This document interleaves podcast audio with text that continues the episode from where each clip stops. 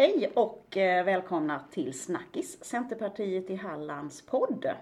Och idag så sitter jag här och träffar Henrik och Christian. Och som ni vet så heter ju den här säsongen som vi sänder Landet lever. Och där lyfter vi ju personer eller företag eller organisationer som vi tycker gör bra saker på landsbygden. Eh, och därför är ju Christian med oss. Men jag tänker Henrik, du ska få börja och presentera dig. Mm, tack för det. Henrik Oretorp heter jag. är distriktsordförande för eh, Centerpartiet i Halland då. Mm. Och tillika min chef kan man säga. Ja, det kan man säga Ja. också. Ja, och Christian. Ja, jag heter Christian Dahlqvist. Kommer från det innersta av Halland i Falkenbergs kommun. Eh, ungefär eh, en mil nordost om Ullared. Som alla vet var det ligger. Alltså Kärnebygd tänker jag att alla Ja. vet var det ligger. Ullared är ju en förort till Kärnebygd och jag bor där i Sundhult. Ja. Och jag brukar kalla mig för hållbarhetsentreprenör och driver en del olika verksamheter där ute i, mitt ute i skogen. Ja, det, jag vet det ska bli jättespännande att få höra om det. För jag, jag vet ju att eh, Centerpartiet i Halland eh, delade ut ett pris här förra året. Eh, Och det var miljöpriset Henrik va? Mm, det stämmer. Det gör vi ju årligen. Ja, Eh, Och framförallt vill vi ju jag säga, uppskatta människor som eh, tar lite våghalsiga steg och utmanar samhället. Och det gör Christian tycker jag. ja. Vad, hur, hur på, på, vi ska ju gå in på det här, vilket sätt och sådär och, och vad du gör lite mer i detalj. Men jag tänkte det var distriktsstyrelsen som tog det beslutet då. Ja, det är distriktsstyrelsen som utser en Ja, ja precis. mottagare varje år. Då. Kommer du ihåg vad motiveringen var? Nej, det gör jag ju inte faktiskt. Nej, men det kanske, vi, det kanske framgår helt klart och tydligt. Men Christian, du har någonting som heter Solskensfarmarna då. Vad gör ni för någonting? Jag ska säga att Eller? jag har inte det Nej. utan vi har det tillsammans.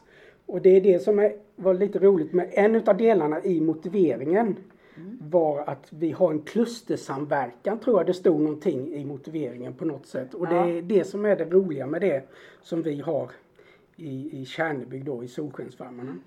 Det är ett eh, grannföretag som blev en ekonomisk förening egentligen. Och den där, att det blev en ekonomisk förening det är för att vi i stadgarna när vi bildade det kunde skriva in att man var tvungen att bo eller ha nära anknytning till Kärneby rote, det här gamla geografiska begreppet. Man hade en soldatrote som man försåg en gång i tiden. Ja, Men vi har det inskrivet i stadgarna att du måste bo där i eller ha nära anknytning till den för att få vara delägare. För att få företaget att stanna i bygden. Och målet egentligen, eh, vi har ett manifest som ligger till, till grund för hela företaget. Och där i så står det att vi ska kunna leva och verka och bo i det området. Och samtidigt göra det med glädje, med solsken i sinne. S- Namnet Solskensfarmarna kommer av att eh, Jerry som är en av delägarna, han sa det, han kom till, till mig och Hanna, min fru, och sa att eh, jag skulle vilja vara bonde med solsken i sinnet. Jag vill inte vara månskensbonde och jobba på natten. Han drev, han drev, då drev han en elfirma då på dagarna och sen så hade lite, lite månskensbonderi på, på natten. Och han hade ett antal eh, nötkreatur. Så kom han till oss och sa att vi kanske ska göra någonting tillsammans så att vi kan göra det här på dagtid. För jag vet att ni är också intresserade av det, vilket vi var då. På den gården vi bodde, hur skulle vi utveckla det då? ja. Det visste vi inte. När han kom så bara föll allting på plats. Och där i så står det då bland annat att vi ska kunna bo och verka och vi ska göra med sol i sinnet och egentligen inte något ord om att vi ska tjäna pengar men det står mycket om att hur vi vill värna om platsen vi bor på i olika perspektiv där miljö är en del som givetvis miljöpriset då kanske uppmärksammades för det, eller den delen. Men eh, det var viktigt att vi just på den platsen mitt ute på landsbygden skulle kunna tjäna våra pengar och för att kunna bo och leva där. ja. Men du, så det, hur många delägare är ni idag? Idag är vi nio delägare Ja, eh, och det, man är personlig delägare i den här eh, ekonomiska föreningen så det är olika personer. Varav fem, sex är liksom verksamma i, i den dagliga verksamheten på något sätt. Och så har vi ett antal som bara är delägare och, och stöttar och så ibland kommer och, och, hjälper till. Men vi kan säga att vi, vi är ja, sex delägare. Bolaget i sig har inga anställda. Solskensfarmarna äger en djurbesättning av Highland Cattle som passar de naturbetesmarkerna vi har. Ja. Och de, vi äger också ett hus där vi har en gårdsbutik och ett bed and breakfast i Kärnebygd. Mm. Så det är egentligen det som företaget har. Ja precis, det är själva kittet eh, där. Och sen så mm. hyr vi in oss själva att sköta den dagliga driften eh, av eh, djuren på det sättet. Maskiner, vi hyr maskinerna mm. och så. Och så kommer vi samman, gör en insats, jobbar med djuren eller vad, vad det nu kan vara, märka kalvar, flytta djuren, stängslar och så. Och sen så går vi tillbaka till våra egna verksamheter och jobbar vidare. Jerry idag, han, han har lite, ett litet eget sågverk så han legosågar lite bara precis i bygden. Och vi har en förskollärare, vi har en lärare på, här på vuxenutbildningen i gymnasieskolan. Eh, min fru jobbar som dataingenjör halvtid och på vår egna gård Sundhult så har vi höns med mm. grönbetesägg där hönsen åker omkring i en husvagn ute på åkrarna och lite grönsaksodling. Ja, vi, vi, tänker oss att vi ska inte köra in med, vi, vi vill minimera det fossila bränslet som används. Ja. Så vi vill köra så lite traktor som möjligt. Och det, det, finns i flera delar av det här. När vi tittar på djuren så försöker vi få igång mikrobiologin i marken så den jobbar åt oss. Så vi kan utnyttja solenergin. Så solen kör igång fotosyntes ner i de gröna växterna som skickar socker egentligen ner i rötterna så vi får igång ett mikroliv nere i marken som ska få leva där. Och därför plöjer vi inte. Vi vill helst inte plöja eller nej, röra jorden nej. utan börjar vi att plöja och röra i jorden så förstör vi det mikrolivet och maskarnas hud. Mm. Alltså tänk dig om, om, du är en mask och så kommer de och plöjer två gånger om året. Det är ju som att det skulle komma en tornado över Halland två gånger om ja. året och så bara förstöra alla hus och sen får vi börja bygga upp det och vi hinner inte bygga upp det så förstörs det igen. Så därför vill vi inte plöja och, och så. Sen är det ju en sån där grej med att om vi plöjer upp de döda organiska materialet som innehåller kol allt ja. organiskt innehåller ju kol. Och när det kommer syre till det kolet så får vi koldioxidavgång ifrån den marken också. Så mm. det, det är två anledningar. Men där är det att vi vill förlänga hela betessäsongen så vi kan släppa ut djuren tidigt på grönbete och ha dem på grönbete så länge som möjligt. Så vi försöker laborera fram vilka, vilka gräs, inte bara gräs, men vad vi kan ha i, i betesvallarna mm. för att få en lång, jag menar en kol växer ju länge på vinter, eller alltså långt in på vintersidan ja, om man säger ja, så. Precis. Så mm. kan vi få in det i betesvallen så kan vi ha djuren ute och beta längre.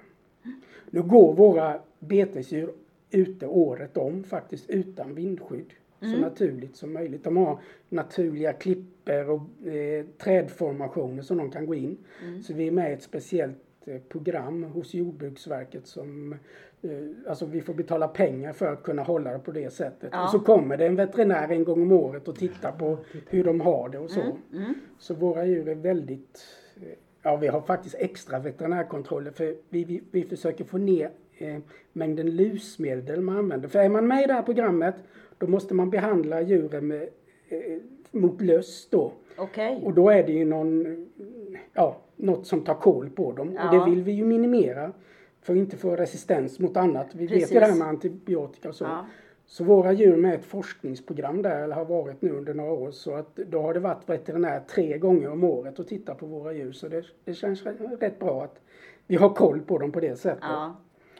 Eh, men det är ett sätt. Och då de här, den här äggmobilen jag pratade om. Ja. När hönsen åker i, i, eh, i en husvagn. Det är faktiskt så. De åker i en liten husvagn eh, över åkermarkerna och beteshagarna där, där vi kan köra den. Och så har de en hage som är 50 gånger 50 meter som de betar i. Så ställer ni ut den och så flyttar ni liksom? Ja, ja. ja, de hoppar in och så sover de där. Och den här har ett nätgolv så när de sitter på sina sittpinnar som finns här inne så skiter de och då ramlar gödslet ner på marken. Mm. Så då behöver vi inte ta gödsel från en storskalig Nej, så, nej, utan precis. vi kan försöka använda det gödsel som finns. Och, de, Och så hamnar det på plats direkt. ja, och hönsen de skrapar väck mossan och, och liksom bearbetar marken på det sättet så att vi får igång den där mikrobiologin där också. Och så flyttar vi den, eh, den där husvagnen varannan dag och hagen var fjärde dag över marken. Så, för att få igång mikrobiologin i marken. Ja. Men jag tycker, tänker att det låter ju fantastiskt. Men jag för, äh, Henrik, jag tänker det, det är klart att eh, precis som du säger, de har ganska många spännande tankar. Mm. Det jag tyckte också var väldigt roligt det var ju hur ni hade en tanke och så tog ni det och gjorde någonting av det. Mm. Eh, Jag kan tänka mig hur många som sitter i sina stugor, hus, lägenheter och har den där tanken. Men inte modet att göra slag i saken. Hur, hur, hur vågade ni det? Det brukar, man brukar ju säga att vi sitter ju i Falkenberg här nu, mitt inne i, i stan som jag hälsar på. Eh, och här brukar man säga, det går inte. Och det, det är väl lite det att man, man måste våga och prova och vara nyfiken hela tiden. Det blir ju lätt så att man hamnar i inkörda mönster och vanor. Eh, Men ofta så är det ju en kris som ska till för att man ska göra en förändring och det vet vi nu i pandemin att nu, har, nu har vi lärt oss att det går att göra saker på distans. Ja, precis. Och det krävdes nog att, det var, att pandemin var så lång för att vi verkligen skulle lära oss att det går. Och förhoppningsvis så är det ju någonting som vi tar med oss ut ur det här och hitta en hybrid på att göra både och. Absolut. Men det krävs liksom, för vi har ju kunnat göra det här i 10-15 år egentligen. Ja. Men det är inte förrän det kommer en riktig kris som vi verkligen vill förändra oss. Eh, som jag berättade innan så har vi ju en gård Ja, och jag är datoringenjör, elektroingenjör från början och både jag och min fru vi jobbade borta i Halmstad så vi pendlade uppifrån Ullaredstrakten ner till Halmstad och satt på kontor. Så satt man där och så tittar man ut och så är det en dag som vi sitter här idag Ja, med precis. 26 grader och sol ute. Och så tänker man idag så borde jag ju varit hemma och passa på att göra det där. ja, Eh, Så jag var på en eh, liten konferens som också var på ett speciellt sätt en knytkonferens. Där det var en kille uppifrån Motala-trakten som berättade om att sitter man och gnäller på samma sak på jobbet efter sex månader och sex månader igen, då ska man ju se till att göra en förändring. ja, Eh, Och det är liksom, man får inte tveka. nej, Och det här var på lördagen. På, på måndagen efter så gick jag in på HMS där jag jobbade och la fram min av, av, av, avskedsansökan eller på att säga. Och uppsägnings och sa att jag, jag vill sluta. Och de frågade, men ska vi ändra det och det? Nej, jag ska sluta. Så utan att ha en aning om vad jag skulle göra. Ja, Eh, Så att man, man får ju våga eh, och bryta sina vanor, det är ju det det handlar om. Och det var vi nog några stycken som var beredda att göra. Och just det här att det går inte, det var liksom landsbygden, öster om motorvägen i Falkenberg, kanske till och med öster om eh, Ullared så man hamnar en bit Ja. in och det, man tänker mycket på att det är någon annan som ska lösa det. Och det är inte någon annan som löser det utan det är vi själva som får lösa det, alltså vi människor runt omkring. Så då var man ju tvungen att göra något. ja, ja, Och då började jag undersöka vad, vad kan vi göra här? Och Jerry som kom och sa att vi kanske kunde göra någonting med djuren och så, så då. Och började leta på vad finns det med djuren och upptäcker personer som har haft personlig kris. Någon bonde i Australien där hela fårfarmen har brunnit ner så han är barskrapad. Hur ska han göra då? En, en annan bonde i USA som eh, fick sin skörd havererad av först eh, hagel och sen torka. Alltså fyra år på raken som skörden blir helt Ja. borta mer eller mindre. Vad ska jag göra då? Och med enkla medel måste ställa om. Och de började då jobba med jordhälsan och mikrobiologin. Och helt plötsligt så visade det sig att de har bättre resultat än det gamla konventionella sättet att bruka då. ja, Så eh, även om du inte har lika stor skörd i kilon räknat mm, så kanske du gör ett bättre ekonomiskt resultat för den enskilde bonden. ja, Samtidigt som det här med mikrobiologi är jättespännande. Att eh, ett kilo morötter på 70-talet innehöll betydligt mycket mer näringsämne än ett kilo morötter som vi har idag. Vilket gör att vi måste äta mer morötter för att få i oss lika mycket näring som vi fick i, i oss av morötterna där. Så den, den skörden de ändå får är kanske av bättre kvalitet också. Men eh, det, det utmanade oss att göra annorlunda då, att den nyfikenheten att man vågar vara nyfiken och hela, tagen, hela tiden ta ett nytt steg. Det, den nyfikenheten är viktigt för att svara på den frågan du ställde där. Mm, hur vi vågade. Vi vågade vara nyfikna och vågade göra annorlunda då. Ja. Jag tänkte på det när vi pratade om mikrobiologi innan och sådär. Hade ni någon utbildning? Eller var det någon som hade eller ni har gjort research och lärt er på vägen? Min fru har gått på Munkagårdsskolan. Mm. Eh, och, men det var då länge sedan. Början på första hälften på 90-talet. Och eh, det går väl stick, lite stick i stäv med det de utbildade sig då stämmer inte med det vi har idag. Nej. Eh, Jag är en sån som är jättenyfiken och vill leta och alltså vi har ju världens bästa möjligheter med digitaliseringen idag. Eller de digitala möjligheterna med eh, föreläsningar på nätet. Så jag brukar säga att jag går Youtube University. eh, och den är ju fenomenal. Ja. För det finns både skolor som lägger ut mycket föreläsningar och sen så finns det ju många personer idag som kan nå ut, alltså gräsrotsnivå, Ja. på gräsrotsnivå som kan visa på sina egna experiment som de gör. Liksom, så här är det. Jag kan visa här att det är så. Jag vet inte riktigt varför. Men här- ser ni skillnaden på de här två platserna. Och det var ju flera som kunde visa på det. Så att jag kanske är den i Solskensfarmarna som driver det där och letar information. Och sen slänger jag det på de andra som gillar mer att, att vara ute och, och ta hand om djuren och på det sättet. Ja. Så vi kompletterar varandra i personligheter på det sättet. att Vi, vi försöker uppmuntra det som vi tycker är roligt. Och, så de andra sporrar mig att ta reda på mer. Ja. Och, och de liksom vill prova och göra annorlunda och så då i praktiken med djuren. Så vi kompletterar varandra på, på det sättet. Som är jättespännande. Men det är hela tiden en nyfikenhet och eh, det är ju inte kunskap. Det handlar någonstans har ju skolan byggt på att vi ska skaffa oss mer och mer kunskap. Det här är fakta, så här är det. Ja. Tittar vi då på mikrobiologin i marken, det är ingen som förstår den. Tar jag en matsked med jord så finns det ett par miljarder mik- mikrober i den med mikroliv. Alltså det är mer än alla invånare på hela planeten i en matsked. Matsked. Ja. Eh, och vi har inte ens, alltså det är f- 50 000, eh, ja fler än 50 000 olika arter och mikrober i den där också. Och vi har inte börjat kunna kartlägga mer än bara en mikroskopisk del av det mikroskopiska som är där i. Eh, så att det finns ju, alltså vi kan omöjligt ha kunskap om hur det är, men vi kan ha en förståelse.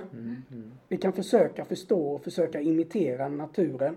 Det är vårt mål där med att använda fotosyntesen. Att, ja, det där händer. Vi ska försöka uppmuntra så det händer mer av det utan att vi lägger oss i som människor utan det ska få pågå själv. Ja. Eh, Så att, eh, nej, kunskapen har vi inte.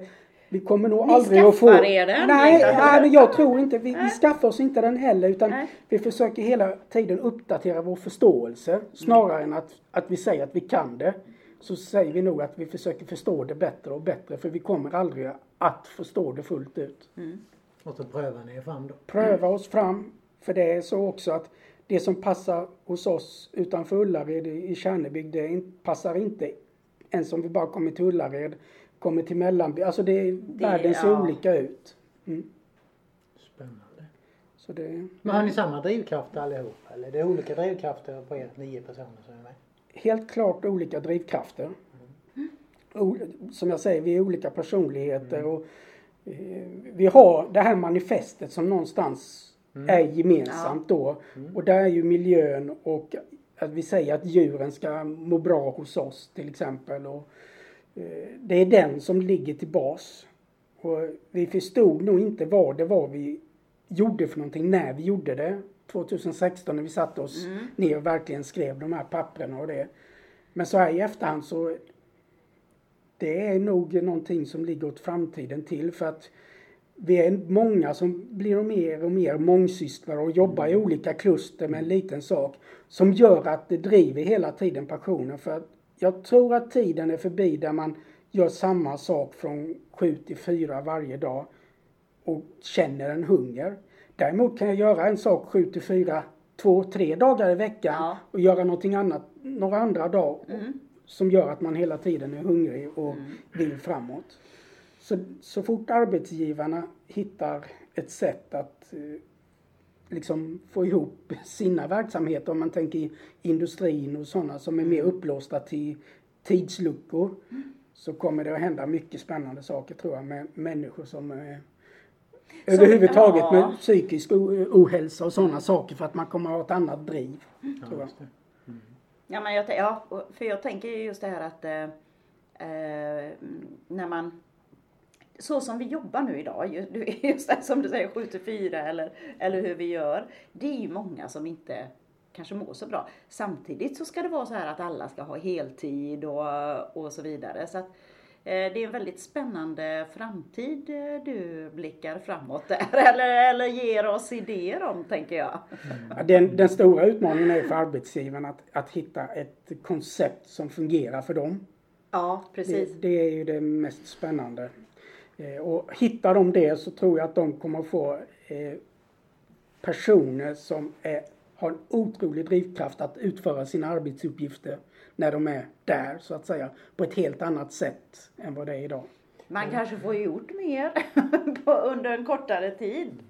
De företag som har arbetsuppgifter som går att lösa flexibelt sätt har väl kanske sett det också nu i pandemitider. Att det, det har inte med när man gör det eller var man gör det utan det är andra saker som, som styr resultatet. Och, det tänkte jag på, var det solsken i sinnet eller man skulle göra det med? Eh, har ni alltid det alltså? Eh, Eller gör ni bara det som är, är motiverande och sen att det här var inte motiverande det här spåret, då gör vi något annat. Alltså, eller hur styr det här er? Så är det ju. Alltså vi har, vår verksamhet håller ju på att byggas upp. Det är ju så, fortfarande väldigt nytt så att vi, vi letar ju och söker på vad vi vill göra och prova. Man får ju aldrig vara rädd att prova och säga att "Nej, men det här var inte för oss och hi- hitta en annan väg. Det, det är inte att misslyckas, det är att, att ha provat Mm, ja, på precis. det sättet. Det, det tror jag är viktigt och det än så länge så vi får inte fram tillräckligt med kött, eh, alltså våra djur. Det, det är så eftertraktat det vi har för det blir en hel story när vi kan berätta om hela mikrobiologin och varför vi väljer djuren och nu har vi inte pratat om det speciella sättet vi sköter djuren på och sådana. Det blir en hel story det och, eller hur vi gör med våra ägg och grönsaksodlingar i, i Sundhult och jag brukar säga det att de som köper ägg av oss på rekoringarna i, i Halland, de, de är egentligen med i företaget. Det är bara det att de vill inte gå upp på morgonen och flytta den här äggmobilen eller gå och plocka äggen Ja, eller ja. Ja, hålla på med hönsgödsel och sånt. Vi försöker vara jättetransparenta i våra dig- digitala kanaler och berätta hela tiden vad vi gör och problem med fågelinfluensa eller ja, olika sådana saker. För att alla ska få vara med hela vägen. Men sen så kanske de inte är med och sköter det men de är ändå med oss och förstår vad vi gör. Sen behöver de inte va- vara inne på våra digitala kanaler hela tiden men de kan komma dit och titta in i fönstret och känna att de är delaktiga på, på det vi gör. Du nämnde eh, rekoringen här. Det är ett sätt som ni liksom säljer era varor på och, och så. Mm. Mm. Ja, det, Förutom kanske eh, affären eller Ja, så. och jag skulle vilja säga att eh, rekoringen är en av de större delarna för det, det är ju ett väldigt smidigt sätt att komma, både för dig som bo, bor i, i, i tätorterna då, att eh, då kommer den lokala mat, de, de lokala matproducenterna in till, till stan vid ett givet tillfälle och verkligen kommer in dit med hantverksmat på Ja. något sätt. Småskaligheten in. Det är torg, torgmarknaden 2.0 Ja, är det precis. egentligen. Inget svinn. Man, de som producerar och säljer saker där, de kommer med precis det som går åt. Mm. Och du som eh, konsument kan komma dit och köpa saker helt utan mellanhänder och vet att pengarna som du betalar för maten går till den som har gjort, producerat maten. Ja. Och det är ju också unikt egentligen. Mm, mm. Ja, det är det. Ja, vad har ni framför er här nu eh, mer att utveckla? Eller prova? Ja, vi, vi, vi har massa, som jag säger, att vi försöker förlänga betesäsonger och vi bygger upp en, en större besättning med djur så att köttet ska räcka. Och, Ja. eh, Ja, det finns många delar i det eh, som, som vi vill jobba vidare med. Och eh, en, en del är ju att vi har valt ett sätt att vi vill berätta om det här. Vi berättar om landsbygdsutveckling på det sättet att det går att vara småskalig. Det går att jobba i klusterverksamheten. Eh, Vi är i, i min familj här, jag och min fru, vi är väldigt aktiva i det lokala fibernätet också som vi, vi var med och byggde. Mm. Och varit väldigt noga med att fibernätet i vår bygd, det, äger, det är ett företag som vi äger tillsammans. Det är ingen eh, fiberförening. Nej. Det är, det är ett företag. Det är en ekonomisk förening det också. Men vi pratar hela tiden i termer om att det är ett fiberföretag. Så att vi driver ett, den passiva fibern i vårt område och sköter om den och äger den för att se till att vi får bästa möjliga förutsättningar att jobba med det, de digitala kanalerna eller digitala, digitaliseringen överhuvudtaget i vår bygd. Och att eh, vi ska få snabba avhjälpning om det blir fel och sådana saker. Så vi har skaffat oss kompetens eller håller på och fortsätter att vi ska kunna sköta och driva det lokala fibernätet själva. Så vi jobbar med utsättning och den första felsökningen och sen har vi ju eh, partners i, i andra fiberentreprenörer och så som hoppar in när vi inte klarar av det och så. Och det är jätteroligt att se att hela bygden sluter upp bakom den tanken Ja, att vi äger ett företag tillsammans. Det är inte en ideell förening utan de som jobbar i föreningen på något sätt. Så jag kan tänka mig att många föreningar har en kassör som får sitta och skicka ut fakturer till medlemmar och ska driva in pengar. I vår förening så betalar vi en person med F-skatte för att sköta den uppgiften och den personen ska ju finnas i området och tjäna pengar på sina, eh, sina ekonomitjänster istället. Ja. Och då på det sättet så jobbar vi med att utveckla bygden att vi som finns här, vi ska kunna leva av varandra och byta tjänster. Ja, Och vi får inte nedvärdera det vi har. Vi har ju djur som jag säger och vi, Ja. ar- vi arrenderar ju mark. Mm. Solskensfarmarna har ju ingen egen mark utan vi arrenderar först och främst av delägarna men sen går vi utanför delägarna och försöker först se det närområdet vi har. Och då är det, de är ju så glada att det kommer någon och betar deras Ja, ja, marker och så. det. Så vi, men vi säger vi ska betala er för värd, vi har ju ett värde av att ni har den marken och det är ett värde som du har som markägare. Mm. Så vi får nästan ta handen för vissa och, och, skriva på ett arrendeavtal så att vi kan betala ut pengar. Ja. För det är ju ett värde och man, får- bor vi på landsbygden så får vi inte slarva bort de värdena vi har faktiskt. Nej, många kloka, eh, eh, kloka ord som du säger där. Du Ja. nämnde någonting att ni sköter det på ett speciellt sätt. Är det något som går att berätta? Så att... Du, du tänker på djuren Ja där exakt, Ja. du nämnde ju det. Ja. Det var en cliffhanger tyckte jag. Eh, Det är också det här, det- det ligger i det konceptet med att inte plöja och så. Och det är ett adaptivt rotationsbete, heter det egentligen. Konstpaus så häller du upp där så. Ja, precis. Jag häller upp lite kaffe här nu. Vi kände vi behövde, vi behövde Vi ska klara att förstå det. Ja, precis. Vi behöver lite, lite, lite kaffe vatten? då. Mm. Du kan få hälla upp där så Ja. att det finns där också. Ja, så att vi hänger med här nu i termerna. Jag sa det, jag tänkte det när du sa så här att, eh, eh, att man inte ska plöja så här. Jag bor långt ut på landet också och jag, har, jag har jätteproblem med sorkar. Jag var jätteglad när de kom och plöjde. Jag tänkte att nu kanske det blir lite, lite mindre sorkar. Men eh, jag, jag inser att jag har mycket att lära här på området. Men- nu ska du få fortsätta. Men, men ja, då gör jag den reflektionen att Ja. du säger att du har mycket sorkar. Det är ju någonting som är obalans i det ekologiska systemet då. Mm. Vad är det som är obalansen? Det är så vi ska fundera egentligen. Ja. Och vad är det vi behöver ha in då? Behöver vi ha in katter, fler kattdjur eller behöver vi, alltså vad har, vad har människan plockat det. bort för att Sork. det blir mer sork? Ja. Eh, Att sköta djuren enligt en modell. Ja. Vi sköter dem enligt en modell som kallas för adaptivt rotationsbete.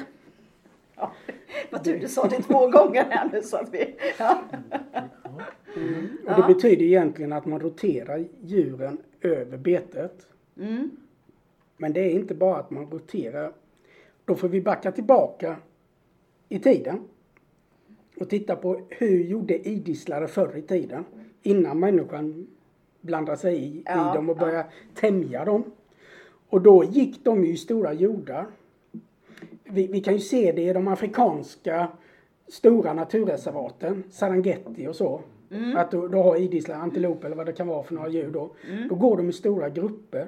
Och de går ofta väldigt tätt ihop. Ja. Då kan man undra varför går de tätt ihop? För att skydda varandra. För att skydda varandra från djur- rovdjuren. Mm. I övriga delar av världen så har vi plockat väck rovdjur. Och så satte vi stängsel istället för djuren och då kunde helt plötsligt djuren sprida ut sig över markerna. Och det har fått till resultat att djuren går och äter det goda gräset hela tiden. Bara det goda gräset, för nu behöver de inte eh, liksom fundera utan de kan gå och plocka efterrätten hela tiden i en hage. Ja. Och när efterrätten är slut på den ena sidan hagen så kan de gå tillbaka där de började och äta efterrätten där. Så de kan äta gräs med mycket socker i egentligen. Ja. Och lite fiber. De får inte i sig kostcirkeln. Och Aha. det, det är en del av det då. Ja. Så att när vi körde adaptiva rotationsbetet så använde vi den unika uppfinningen som människan har kommit på med elstängsel. Mm. Och sätta upp temporära elstängsel så att vi trycker ihop djurgruppen för att imitera Hur det be- ser ut. Ja. Ja, beteendet med när de hade rovdjuren runt sig. Så att vi flyttar dem, inte dagligen, det finns de som flyttar dem dagligen. De säger det att för att uppnå bästa resultat så ska du flytta dem dagligen. Och helst efter tre dagar om man ska titta till näringsvärde på gräs och så på, från gamla studier. Så vi flyttar dem ungefär varannan dag till en ny liten folla hela tiden. Så att de går och, och betar ganska mycket mer intensivt och väljer både eh, för då blir det plötsligt konkurrens om det fodret som finns i den. Ja. Så då äter de både glassen och eh, den tråkiga fiberrika maten så att säga. Hela kostcirkeln. Både grönsaker och köttbullar. Och de står inte och muar då att de vill på andra sidan? Ja, det, de lär ju sig att de får nytt varannan dag. Så när det är dags så går man bara dit och så öppnar man lite stängslet så springer de över och så fortsätter de det. Okej. Det blir en vanesak. Och vi har inte speciellt stora djurgrupper men det går att göra från små djurgrupper till stora djurgrupper. Eh, och det här stimulerar så gräset växer bättre egentligen. Man brukar säga det att en rotsystem på ett gräs är Ja. ungefär lika högt som gräset är långt. Så tänker vi nu när alla bönder slår sitt gräs tre gånger per år så hinner det inte bli så mycket rötter. Och får vi inte så mycket rötter så spränger vi inte ut så vi inte får ner, då får vi inte ner vattnet så djupt i marken. Nej. Och tar vi då sönder maskarnas gångar, en mask kan bygga en gång på en och en halv meter ner som gör att vattnet penetrerar djupare så får vi problem med att torka och sådana saker. Vi vill ha mer vatten i, i marken. Att det behålls i marken liksom. Ja. Och det är egentligen det som är det största problemet med klimatet vi har. Mm. Det är att vi har för mycket vattenånga uppe i atmosfären. Det är inte att vi har för mycket koldioxid. Får vi lära Kol- oss ytterligare nya grejer här? ja, men koldioxiden det är ett problem. Ja. Men den kommer sig av det jag berättade innan att när vi plöjer marken så släpper vi upp kol. För varje kolatom eller för varje gram kol vi kan ha i marken så kan vi binda upp 8 gram vatten. Så vi har gjort så att vi, vi tar upp mer och mer vatten i atmosfären som gör att eh, vi får en uppvärmnings... Ja. Ja, en, precis en uppvärmningseffekt. Eh, Så kan vi få ner mer kol i marken så kan vi binda mer vatten i marken. Och det är vattnet som är AC'n på jordklotet egentligen. Ja. Som jobbar med att hålla temperaturen där. Men när vi har använt fossilbränsle så har vi bränt upp mer kol så att det kommer upp mer kol i luften snabbare och likadant hur vi plöjer och jobbar med det gör också att vi släpper upp mer kol. Så det blir, s- alltså vi, vi har ökat eh, andelen kol i atmosfären jämfört med i marken. Så det är fortfarande så att vi måste ha ner kol i marken. Men det är framförallt vattnet som påverkar. Mm. Eh, Jag tänkte på hur, eh, vad ska man säga, det traditionella eh, jordbruket, hur, hur ser de på era liksom, metoder eller så? det Mm. Nu ska vi säga, i Sverige är vi ändå betydligt mycket bättre än på många andra delar Ja, av världen. Tittar ja. vi på USA där de har de här feedlots. De Ja. har djuren på ett ställe. De gör kraftfoder på ett ställe och så transporterar de det olika så. Mm. Och gödseln hamnar på i de här feedlots i stora dammar så man vet inte riktigt vad man ska göra. Ja, man kan köra det tillbaka till det stället där man eh, ja, gjorde kraftfodret och så. Det, det är totalt huvudlöst. De här små follorna jag pratar om. När vi får djuren att gå i de här små follorna då skiter de och kissar precis liksom jämnt över det området. Och det är därför, om vi tittar på Serengeti igen, att Ja. de här jordarna när de har liksom gjort ifrån sig på ett ställe så rör de sig lite framåt. För de vill inte äta mat där de har gjort ifrån sig. Så där blir det naturlig, naturliga sådana här foller. Så tittar man på hur en djurgrupp rör sig där så kan man nästan se att de går medsols över hela eh, området. Och så tar det ett år så har de gått över det här naturreservatet. Så. Och det är det man försöker imitera här också. Att korna gödslar och man får igång gräset. Och, och, ja. Men där är det också, vi plöjer inte. Vi använder inte några konstgödning. Nej. Och vi använder mindre alltså bekämpningsmedel för att få väck svamp och, och grejer där också.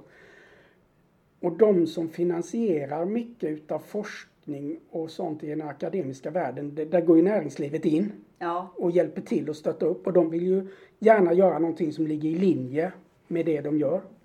Och där har vi ett problem att det sättet vi brukar det finns liksom inga, inget näringsliv som riktigt hoppar in och vill stötta en utveckling på det sättet. nej. Eh, Så det saknas en del forskning och på det, alltså akademisk fors- Ja, forskning på ja, det precis. sättet. Det är Mm. bara de senaste åren som man börjat att verkligen intressera sig så att SLU hade det, det greppet på sin, eh, de har någon sån här dag varje år, Mm.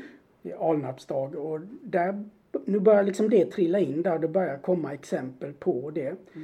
Men, och det gör ju att många organisationer och så har svårt att ta sig till det för att det kommer inte, alltså det finns inte så mycket akademiskt stöd i att Nej. det fungerar. Mm. Och då faller det lite mellan stolarna. Det finns ett exempel, eh, eh, det finns en herre som heter Alan Savory i Zimbabwe som var, han är biolog och fick i uppdrag att eh, titta på det här med ökenutbredningen där nere. Mm. Och kom ju fram till att vi måste skjuta av lite elefanter och antiloper och sånt som äter upp gräset för att hindra att, alltså att, så att gräset skulle få växa. Mm. Ja, ja.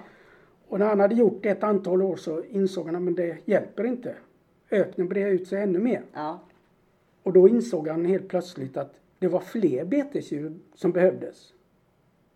Om du hanterar djuren med de här små follorna, roterar och den allra viktigaste delen av hela det här adaptiva rotationsbetet det är att gräset måste få vila.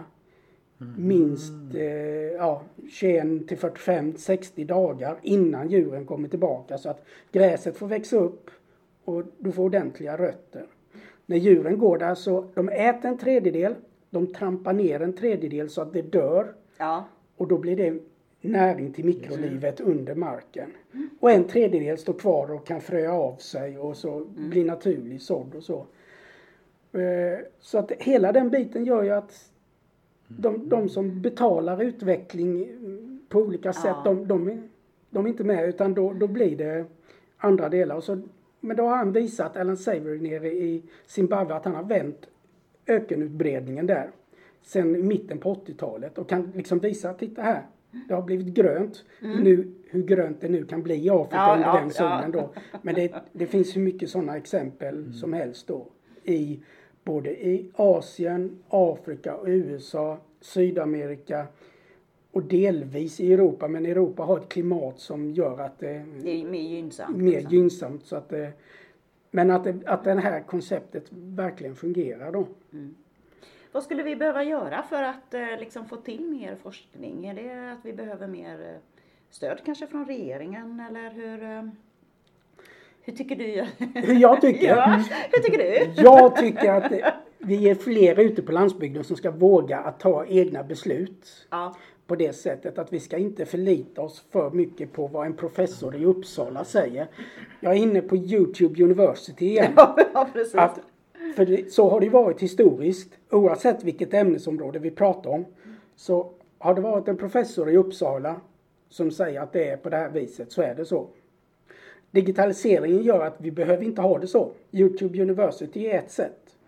Ett annat sätt är att vi bildar lösa nätverk. Det behöver inte vara formella föreningar och sånt utan vi kan bilda en grupp och sitta i en Facebookgrupp och, och diskutera de här sakerna eh, person till person och utmana varandras tankar och, och, och påstående för att se vad är rätt, vad är fel, vad fungerar hos dig, vad fungerar hos mig? Och vara tydlig med att det är inte samma sak vad som fungerar i Ullared och vad som fungerar i Falkenberg eller utanför Laholm eller så. Utan att det, det är olika förutsättningar på olika ställen. Men att man diskuterade i, i sådana här lösa... För tidigare så var vi, vi, vi kunde inte ha de här lösa nätverken med ett intresseområde. Eller om det var fåruppfödare och ha kontakter med får, fåruppfödare över hela världen. Från Nya Zeeland till eh, Gällivare och runt lokalt. Och det är ju den delen vi ska våga göra som vi, vad det vi själva tror på. Samtidigt som vi hämtar kunskap av varandra och inte blint litar på en professor i Uppsala. Nej. Eller vilket, De- de vilket universitet. ja. Ja, men, Men- men, det, det, det är en Precis. person. Ja, Eh, ja. Och så att det gäller att, att vi utmanar varandra. Och det, det, och det tror jag att den akademiska världen är på gång att lära sig också att utmana sig själva. Ja. I att eh, vi sitter kanske inte med svaren men vi kan, vi kan hjälpa till att guida. Men vad ni gör egentligen är ju att lära och göra och se vilka resultat andra har fått. Och det är väl egentligen så mänskligheten har utvecklats under den största tiden där vi har funnits på jorden. Att man man har testat fram hela tiden och så har någon vågat göra någonting och så sett det där var lyckat och så fortsätter de andra hänga på.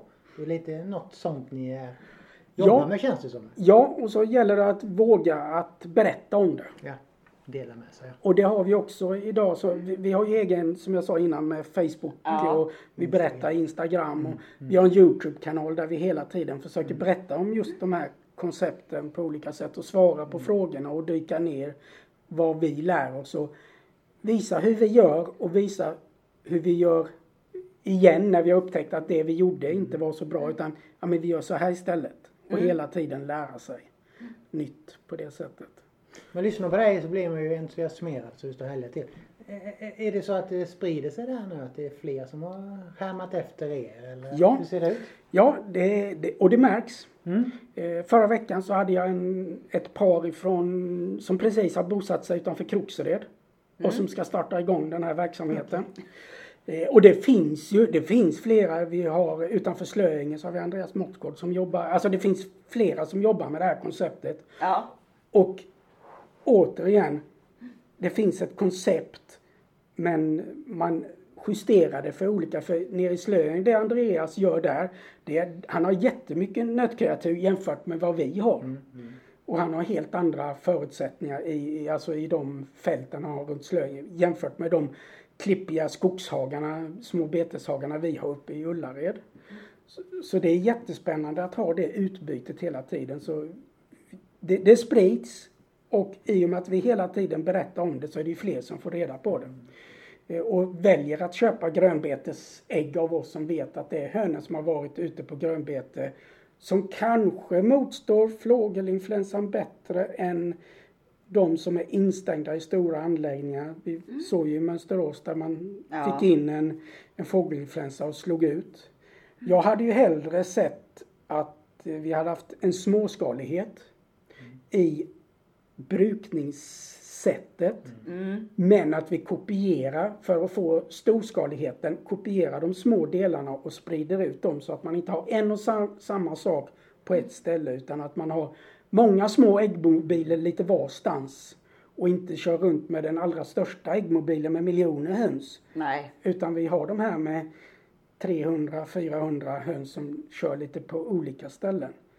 Eh, Även om det, det kan vara ett stort företag som gör det men gör det småskaligt kopierat istället för centraliserat Ja. en stor enhet. Decentralisering där, även där så att säga. Men jag tänker också på hur ni är organiserade. Är det fler som tar efter det också? Eh, det vet jag inte. Nej, jag För det, om för det, sig. ja, det är nog mycket möjligt att det kommer att sprida sig. Det, det är vissa som hör av sig och vill liksom veta mer om hur vi har gjort. Grejen är ju att vi är nog inte själva medvetna om vad vi egentligen... Alltså att det blev som det blev. Nej. Men att det känns väldigt naturligt och, och smart på det sättet och att det ligger nog... Vi känner att det ligger framåt i tiden ja, att, göra på det sättet. För ni har lyckats skapa frihet också tack vare det här sättet att arbeta. Ja.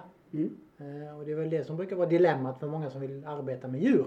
Ja, och, man blir robu- låst liksom. och robusthet. Eh, Ja, Jerry såklart. som är, är med i vårt, han eh, gjorde sig illa här så att han från en dag inte kunde sköta djuren, vilket han har gjort mest. Ja. Av oss alla då, den dagliga driften. Men eftersom vi har varit med allihopa så kunde vi timmen efter så kunde vi hoppa in och ha en organisation som täckte upp för det han hade gjort tidigare. Eh, Så att man blir ju helt annan möjlighet att liksom jobba på det sättet. Och det skulle jag vilja säga är vänt åt andra hållet också. För om du jobbar åt en annan arbetsgivare deltid och så händer det någonting där. Ja men då kanske jag kan stuva om och helt plötsligt vara en tillgång till den andra arbetsgivaren och stötta upp den verksamheten där också. Ja, på ett helt det. annat sätt än om man jobbar heltid bara så. Plus att man då till den andra arbetsgivaren hela tiden kanske kommer med det här friska tankar när man har varit ifrån en liten stund och inte eh, sitter på samma plats varje dag. Oj, oj, oj, vad mycket spännande grejer. vi får lära oss här. Ja. Eh, ja, men nu har vi ju pratat på en bra stund här. Det, tiden går ju fort. Men jag har ändå en fråga kvar. Ja. Eh, den kanske är känslig, du behöver inte svara om du vill. Men eh, uppfattningen är oftast när man är månskensbonde att man måste ha ett jobb för att kunna bli månskensbonde. Hur är det för solskensfarmarna? Behöver ni ha ett jobb för att kunna vara solskensfarmare? Eller? Vi vill ha ett jobb för att kunna vara solskensfarmare. Bra. Vi är olika kluster så, det, Mm, så att det är en utav grejerna att vara hungrig och kunna göra olika saker och inte tröttna på det. Och solskensfarmarna i sig då, var den här djurbesättningen, ett B&B och en gårdsbutik, det är en del. Så sen i Sundhult så har vi då hönsen och lite annat runt, runt omkring. Även om det är bonneri om vi säger så, så, så är det andra saker. Och vi alla gör helt olika saker. Förutom jag, jag själv pratar elbilar och andra sådana saker. eh, Exempelvis. Och jobbar med fiber. Med underhåll och drift av det fibernätet jag pratar om. Så att om det är någon som ska gräva nytt avlopp så kommer jag dit och kollar så att de inte gräver av fiberkabeln och lite sådana här saker. Eh, Så det, det är alltså vill man vara solsken, ha solsken i sinnet så tror jag på att vi gör olika saker och har olika jobb. Tjäna pengar från olika ställen. Bli inte så känsliga på upp och ner på olika platser på det sättet. Men hela tiden hjälper varandra oavsett om det är Solskensfarmarna eller i verksamheten jämte så ja. Ja. Ja, intressant. För tittar man också norrut i Sverige så är det ju ofta så man jobbar. Mm. Man är ju, har ju många olika delar i det Ja. för att kunna bo där. där man Och det bor. var så, jag brukar säga att Falkenberg är, det är ju det är en bondekommun egentligen. Mm. Och det, bönderna var ju de första entreprenörerna. Ja, ja, Ja, ja. Och de specialiserade sig lite på att bygga maskiner till slut och kanske för jordbruket och sen specialiserat sig mer och mer. Men jag kan tycka att det är spännande just i Falkenberg att det är inte jättestora industrier som har liksom tagit över på det sättet Nej. utan det finns en entreprenörsanda som gör att det finns en massa småföretag som inte är jättestora men som gör fantastiskt bra saker hela tiden och kanske inte behöver vara så jättemycket större. Och det kanske blir en liten återgång till det. Tittar vi borta östra Småland eller nordöstra Småland där varje ort hade ett bruk mitt i så är det många samhällen som har lite tynat bort ja. hittills. Men nu kanske det finns möjlighet att vända med digitaliseringen och distans. Alltså nu har vi lärt oss.